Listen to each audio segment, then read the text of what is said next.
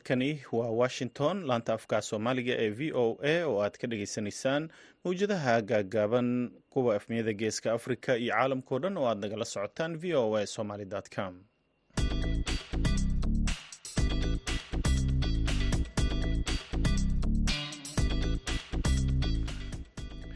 duhur wanaagsan dhegaystayaal waa isniin sagaal iyo tobanka bisha februari sanadka laba kun iyo afar labaatanka afrikada barina. Saacadda waxay tilmaamaysaa kowdii iyo barkii duhurnimo. Idaacadda duhurnimo ee barnaamijka dhallinyarada maantana waxaa idinla socodsiinaya anigoo ah cabdulqaadir maxamed samakaab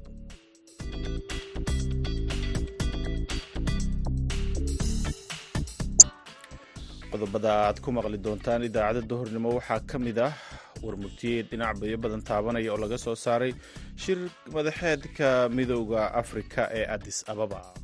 Inay horseedi karto khilaaf gobolka ah inay horseedi karto. Marka dhammaan markii aad fiiriso statementiyadu mid garab siinaysay marka laga reebo dhiiragelintaas guud marka laga reebo ma aysan ahayn mid ka tarjumaysa rabitaanka iyo dhawaqa ay soomaaliya sugaysay waxaa kaloo dhegaysan doontaan dhallinyaro beledweyne ka hirgeliyey xarumo lagu naqshadeeyo laguna sameeyo agabka cunno karinta. Ciyaarihii iyo kaalmihii heesaha ayaad sidoo kale maqli doontaan balse intaasoo dhan waxaa ka horreeya warkii dunida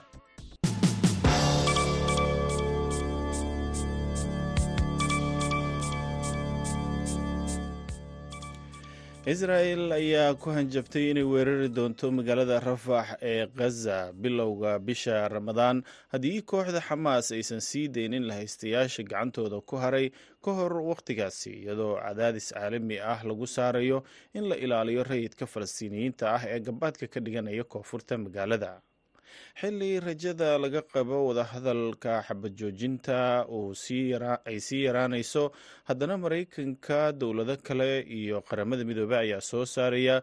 Baaqi deg deg ah oo israa'il ay ugu jeedinayaan si ay u joojiso duulaanka ay qorsheynayso inay ku qaado rafax xukuumadda israa'il ayaa sheegtay in magaaladan oo ay ku sugan yihiin barakacyaasha ugu badan ee falastiiniyiinta kuna taalaxadka masar ay tahay magaaladii ugu dambeysay ay ku harsan yihiin xoogaga kooxda xamaas. Sidoo kale waxay hore u sheegtay in ciidamadeeda ay howlgallo dhulka ah ka fulin doonaan aaggaasi hadalka israa'il ayaa walaaca laga muujiyey iyadoo wadamo badan oo waday dadaallo ay ku doonayeen xabad joojinta ay sheegeen in weerar kasta oo lagu qaado rafax uu halis gelinayo nolosha dadka barakacyaasha ah. Dagaalka ka socda khaza ayaa soo bilowday horaantii bishii oktoobar markaas oo kooxda xamaas ay weerar aan hore loo arag ku qaadeen israa'il kaasoo ay ku dileen in ka badan kun ruux kuna qafaasheen ku dhowaad afar boqol oo qof fallaagada xuutiyiinta ee yemen ayaa maanta sheegay inay weerareen. Markab marayay marinka baab al mandab warar ay soo saareen kooxdan ayay ku sheegeen in markabkaasi oo lagu magacaabo robi maar oo qaada alaabta daadsan kaas oo waaxda la socodka adeega maraakiibtu ay sheegtay inuu ka soo baxay isutagga imaaraadka carabta kuna socday dalka bulgaria waaxda howlgallada maraakiibta ganacsiga ee dalka u k ee magaceeda loo soo gaabiyo u k m t o ayaa iyadana maanta sheegtay in mas'uuliyiinta milatariga ay ku warameen in howlwadeenno ay ku xanibeen yihiin markab axadii warkiisana laga soo gudbiyey meel shan iyo lixdan kilomitir koonfur kaga beegan magaalada almuqa ee dalka yemen kooxda xuutiyiinta ayaa weeraro door ah fulinayay tan iyo bishii nofembar iyagoo adeegsanaya diyaaradaha daroonka ah gantaalo iyo doomo ay ku batilmaameedsanayaan maraakiibta maraya badda cas. Kooxdan ay iiraan taageerto ayaana sheegtay inay ficilkan u sameynayaan si ay ula dareen noqdaan falastiiniyiinta ku nool khaza dhegeystayaal warkeennii dunidana waa nageynta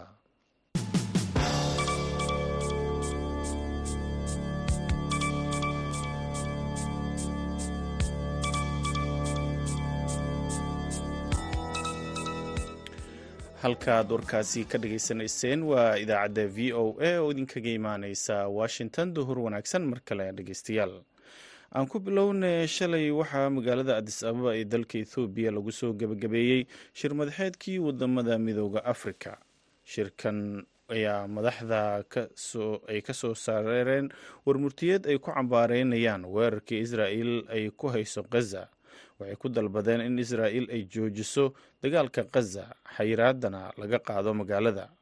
Dhinaca afrika waxaa diiradda lagu saaray xaaladda ka taagan galbeedka afrika soodaaaniraahde suudan iyo xiisadda ka dhex oogan ethoobiya iyo soomaaliya. Warbixin ku saabsan arrinkan iyo warmurtiyeedka waxaa lagu yiri ee ku aadan soomaaliya iyo ethoobiya ayaa waxaa muqdisho ka soo diray wariyaha v o eda cabdicasiis axmed barrow warmurtiyeedka ka soo baxay shirka midowda afrika ee labadii maalin ee ugu dambeysay ka soconaya magaalada adis ababa ee caasimadda dowladda etoobiya oo ah mid ballaaran ayaa waxaa lagu xusay xaaladda amni iyo siyaasadeed ee dowladda soomaaliya ay hadda ku sugan tahay. War-saxaafadeedka ayaa dowladda soomaaliya ku ammaanay guulaha ay ka gaartay dagaalka al-shabaab waxaana sidoo kale lagu soo hadal qaaday bixitaanka ciidamada midowda afrika ee admis iyo kaalintii ay ku lahaayeen. Toban iyo toddobadii sane ay ka howlgalayeen dalka kor u nabadgelyada iyo xasiloonida qaranka soomaaliyeed.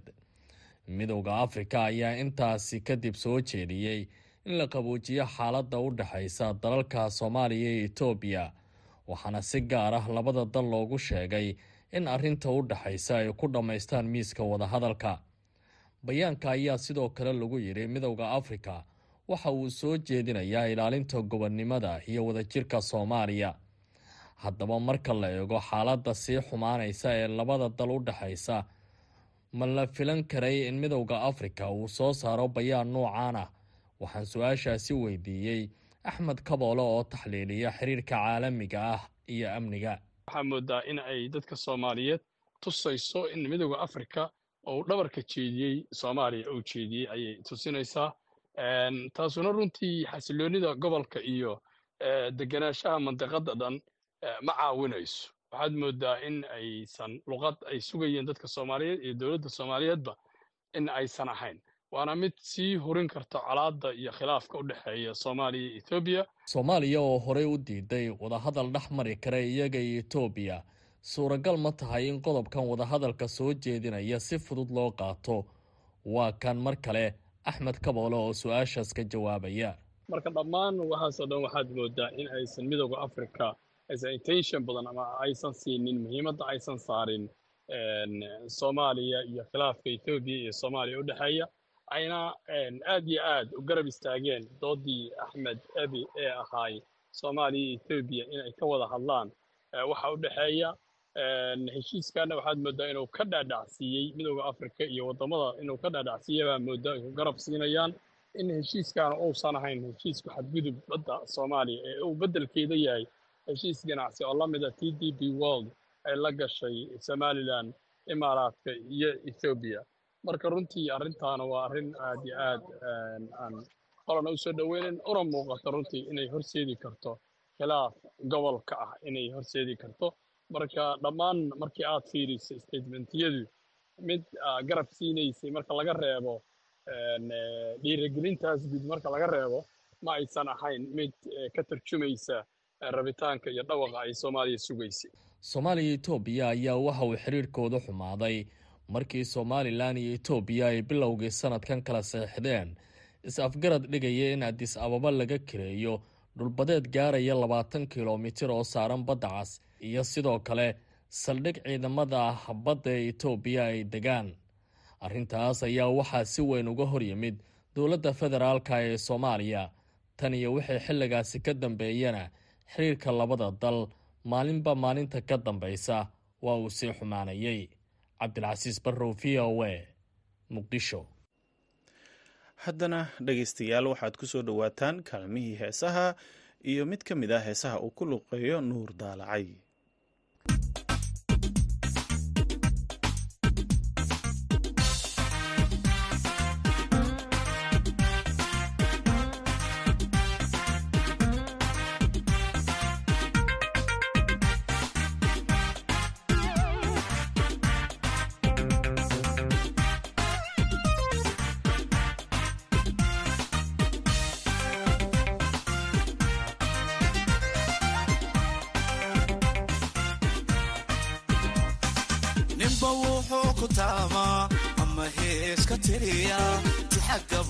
sheega halka lagu talaale hawadiisu taale uurkiisu tabay ninba wuxuu ku taamaa ama heeska tiriya tixagabay ku sheega halka lagu talaale hawadiisu taale uurkiisu tabay dumartaan ka saansaday waa gabadh tobdheero maxamuudi tooxweyn saddex qayd ka tulato tusbax luuqunta geliso tafta daraya mooskii taakiyo badhmowdo dumartaan ka saansaday waa gabadh tobdheero maxamuudi tooxweyn saddex qayd ka tulato geliso tafta daraya mooskii taakiyo badhmowdo sida boqora taaj xidhan hadalkeeda tiriso hadba erey turkumiso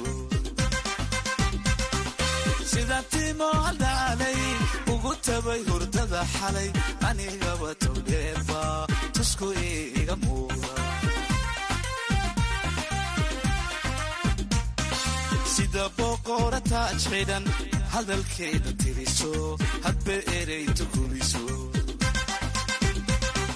sida timo haldaalay ugu tabay hurdada xalay anigaba towdheerba tusku iga muuda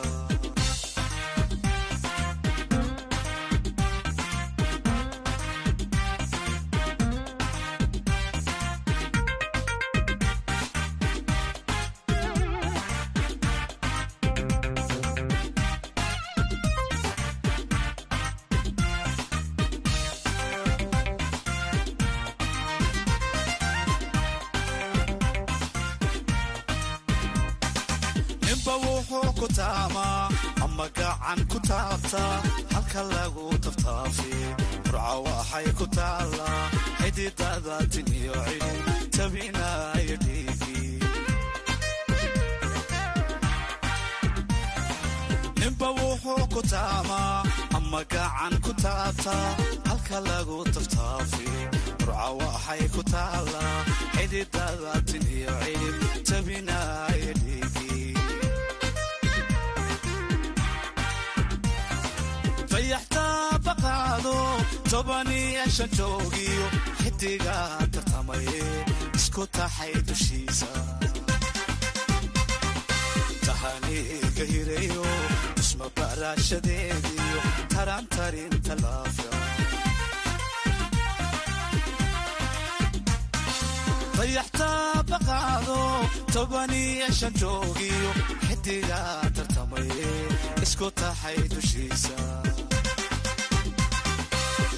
tahaniga hirayo isma baraashadeediyo tarantarinta laafya.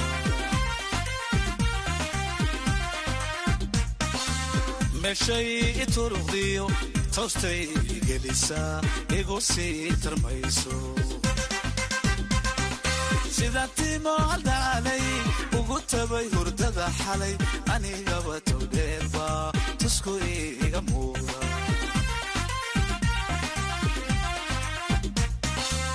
meeshay ituruqdiyo toostay gelisaa igu sii tarmayso.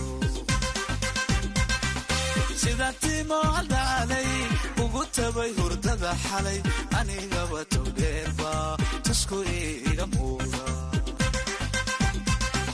sida timo haldaalay ugu tabay hurdada xalay intaasaan ku dhaafna heestaasi nuur daalacay uu ku luqeeyo. Weli waxaad nagala socotaan v o a oo idinkaga imaaneysa washington. Haddana beledweyne. Dhalinyaro isxilqaamay ayaa magaalada beledweyne ka hirgeliyey goob ay ku farsameeyaan agabka cunto karinta iyagoo noloshooda ku maareeya. Waxay sidoo kalena fursad ay ku bartaan ay siiyeen dhalinyaro kale. Wariyaha v o eda xuseen xasan dhaqane ayaa faahfaahinta warkan noo soo diray xuseen faarax cabdi iyo daahir xidig oo ka mid ah dhallinyarada ku nool magaalada beledweyne ayaa waxay ku dhiiradeen inay abuurtaan fursado shaqo oo magaalada ku cusub. Dhallinyaradan ayaa waxay magaalada ku soo kordhiyeen farsamada burjukooyinka birta laga sameeyo taas oo ay iibsan karaan dadka magaalada danyar iyo mid waxhaysta intaba. Xuseen faarax iyo daahir xidig ayaa waxay ka waramayaan noocyada ay sameeyaan iyo sida looga iibsado. Waxaan sameeyaa burjukada farsamada gacanta walaa waxaan ku dhex jiraa muddo adiga hadda macnaha oo la soo koobi karin waana ka shaqayso waa biilkaygii burjukada laba nooc waaye midna anakaa samaysano midda dalka ee waaye. Midda dalkana laba markii lagala qaado laba waaye mid waa ceelbur midna waa midda birta oo dadka farsamada gacanta ay ka sameeyaan. Midna waxay nooga imaadaa wadanka dibaddiisa sida kenya oo kale burjukada jikaaka oo kale. Adiga waa samaynaa burjukada marka ay dayactir u baahatay midda jikaaka dayactir bay u baahataa xagga shabaqa wallahi caqabad badan waa jiraan oon kala kulannay shaqadan laakiin waa u dhabar adeegnaa maadaama un dhabar adeegno waxaa ku jiro qotolyaankayno marka haddii wax ay ku jiraan wax caqabad waa keenaysaa oo xagga oo qabiilaadka oo finqooqa waa keenaysaa ama midabta koorka loo yaqaano. Laakiin waxaas anaka dheg uma dhigno markii waa shaqadayna soo maa xifradda burjukooyinka samaynta waxaan ku soo baranay hadda meel fog ma aha isla waddankayni le waaye waa fikrad anaga nagu dhalatay tahriibka xoogoo dhibaatadiisaan ugu badnaatay caqabad tahriibkaan ugu badnaaday dhallinyaro badan oo soo rafaada aragnay iyo dad badan oo la jirdilaayo. Marka sidaas daraaddeed marka waxaa go'aansada marka in aan gacanteyda iyo maskaxdayda aan isa saaro oon ka soo bixiyo miro. Miraheena waxay noqdeen farsamada gacanta. Laakiin aniga yoomiyaan qaadanaa yoomiinkayna biilkayna waa ka soo saaranaa xagga korontada xagga waxbarashada xagga macnaa caafimaadka waxyaala baanaan ku qabsanaa waxaan qabtaa xirfadda shaqo burjukooyinka marka alxamdulilah ilaah maadis kale waa ku noolahay waa xirfad shaqo oo aan bartay dhallinyarnimadii ilaa hadeertaana macnaha aan ku dhex jiro.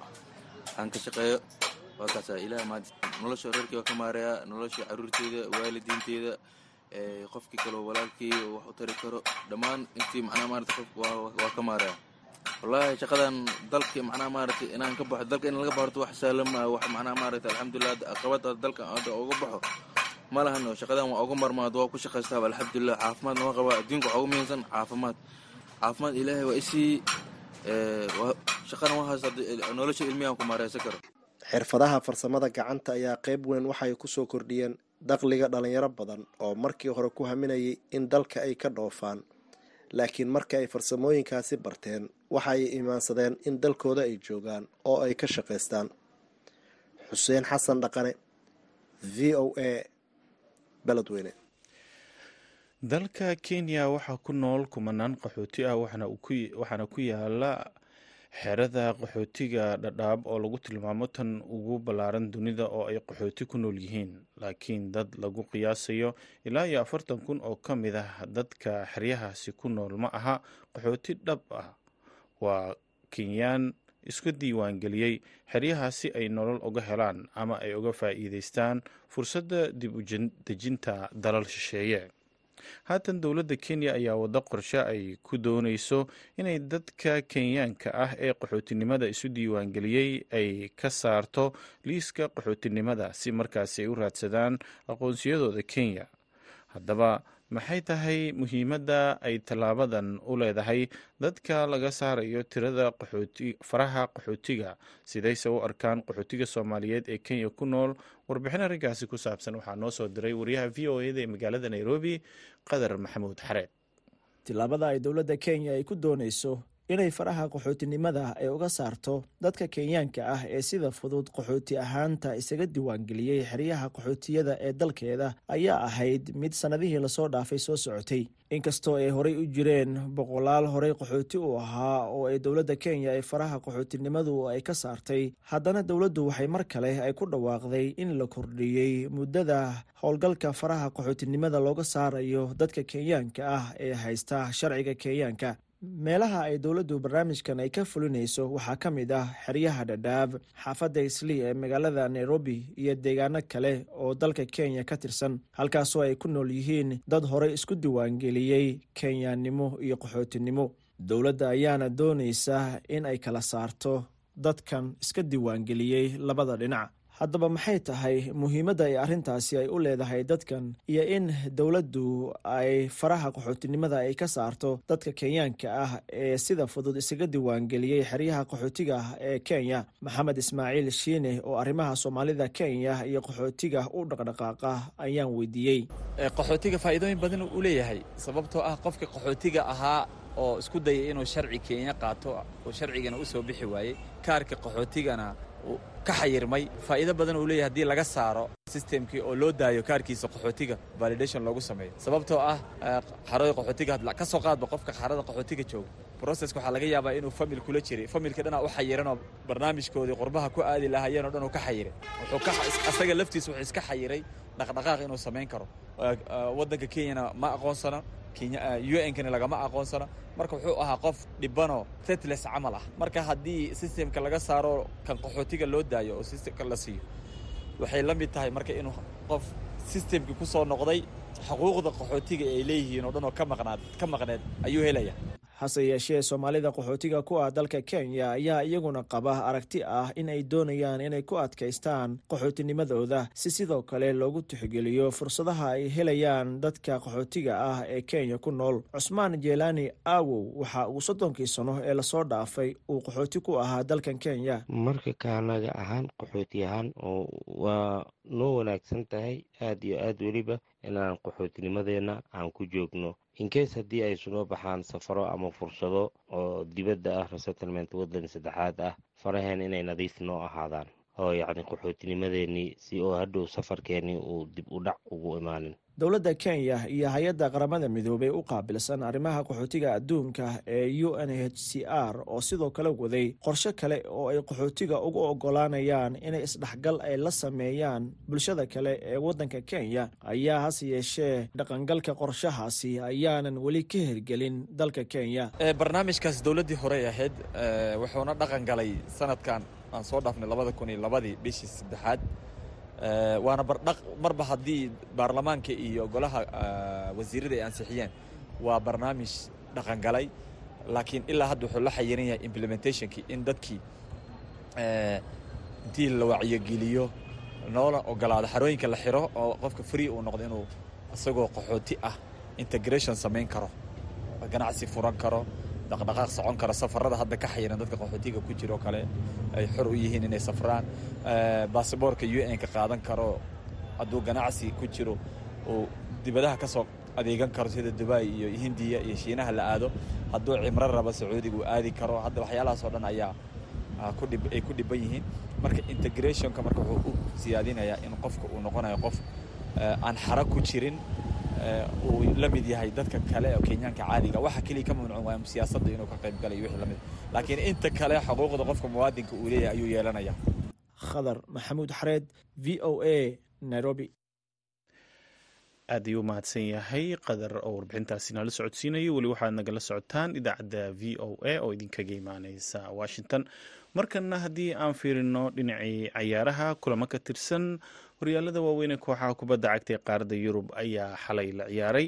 Haddii aan ku horeyno dalka ingiriiska kooxda manchester united ayaa guul dirqi ah oo laba iyo hal ah ka gaartay kooxda luton town oo garoonkooda ay ugu tageen luton ayaana ciyaar yaab leh soo bandhigtay laakiin manchester united ayaa guusha ay laba iyo hal ku raacday. Labada goolna waxaa u dhaliyay ciyaaryahankooda waayadan dambe oo cadaraha la soo baxay ee rosmus hoyland kaas oo ilaa iyo hadda sideed gool u dhaliyey kulamadii uu ciyaaray ee premier league u dambeeyey sidoo kale kooxda sheffield ayaa waxay markaasi garoonkeeda ku martigelisay kooxda brighton brighton ayaana shan iyo eber ku badisay. Dhinaca sbain rio volcano iyo real madrid oo wada ciyaaray hal iyo hal ay ku kala baxeen. Garanada iyo almeria hal iyo hal ay ku kala baxeen. Mayorka iyo real sociedad waxaa labiyo hal ku badisay kooxda real sociedad halka real batis ay gurigeeda barbaro kula gashay kooxda deportivo. Horyaalka siriagana kooxda napolonia ayaa labiyo hal ku garaacday lazio. Impoli iyo fiorentina hal iyo hal ay ku kala baxeen. Udaneza waxay hal iyo hal la gashay. Calyary fiorentina iyo rom oo aan idhaahdee forensone iyo roma oo wada ciyaarana roma ayaa saddex iyo eber ku badisay.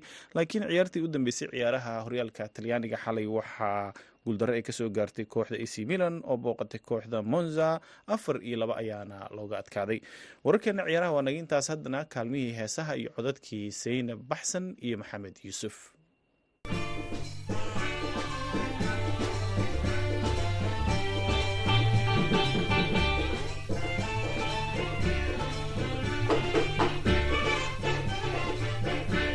watuu yarad waalidkaa qaatee waa hore lagu siiyey wiilka kale watuu yarad waalidkaa qaatee waa hore lagu siiyey wiilka kale markaad wacadiyo wanaag bajartaad waraysanaysaay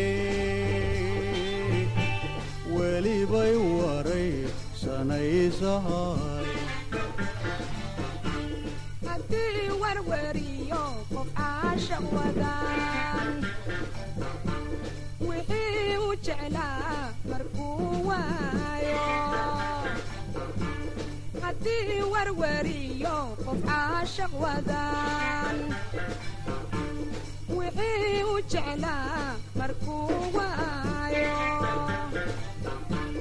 Weligii ka kalu wax saari jira. Maxaa ugu wayn waxyeeladae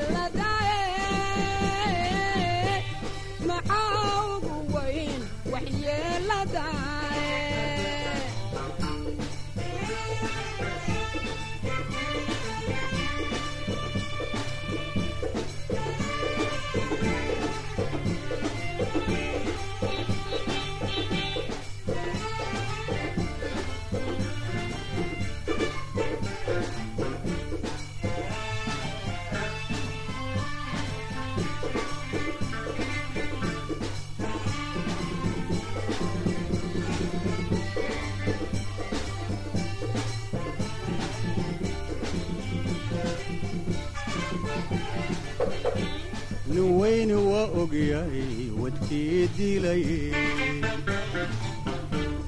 inaad weecataan warkaaga helo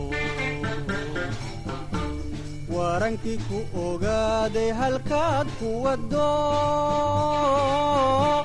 haddaad wiqislayd wax maa noqone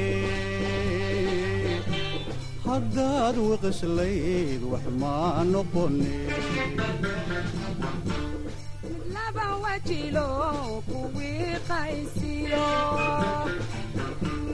iskuma wado ruux kuwaydaarte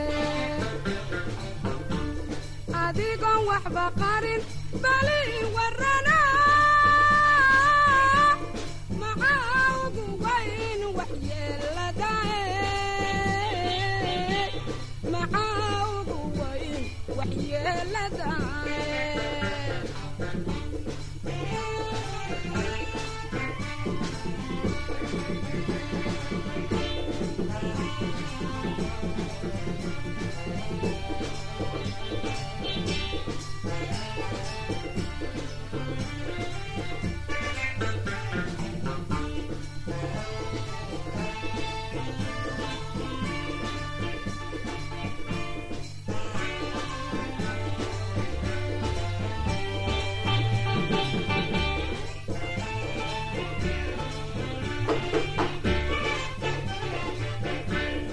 inagoo weheliyo wadaaga ahoo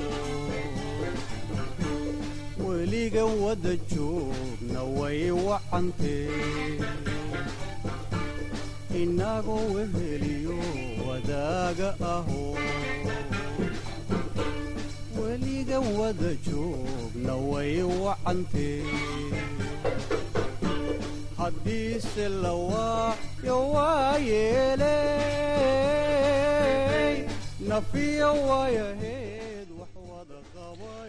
heestaasi waa yeelo wax saar ma leeyahay ee codadkii baxsan iyo maxamed yuusuf ayaa u dambeeyey idaacaddeenii duhurnimo.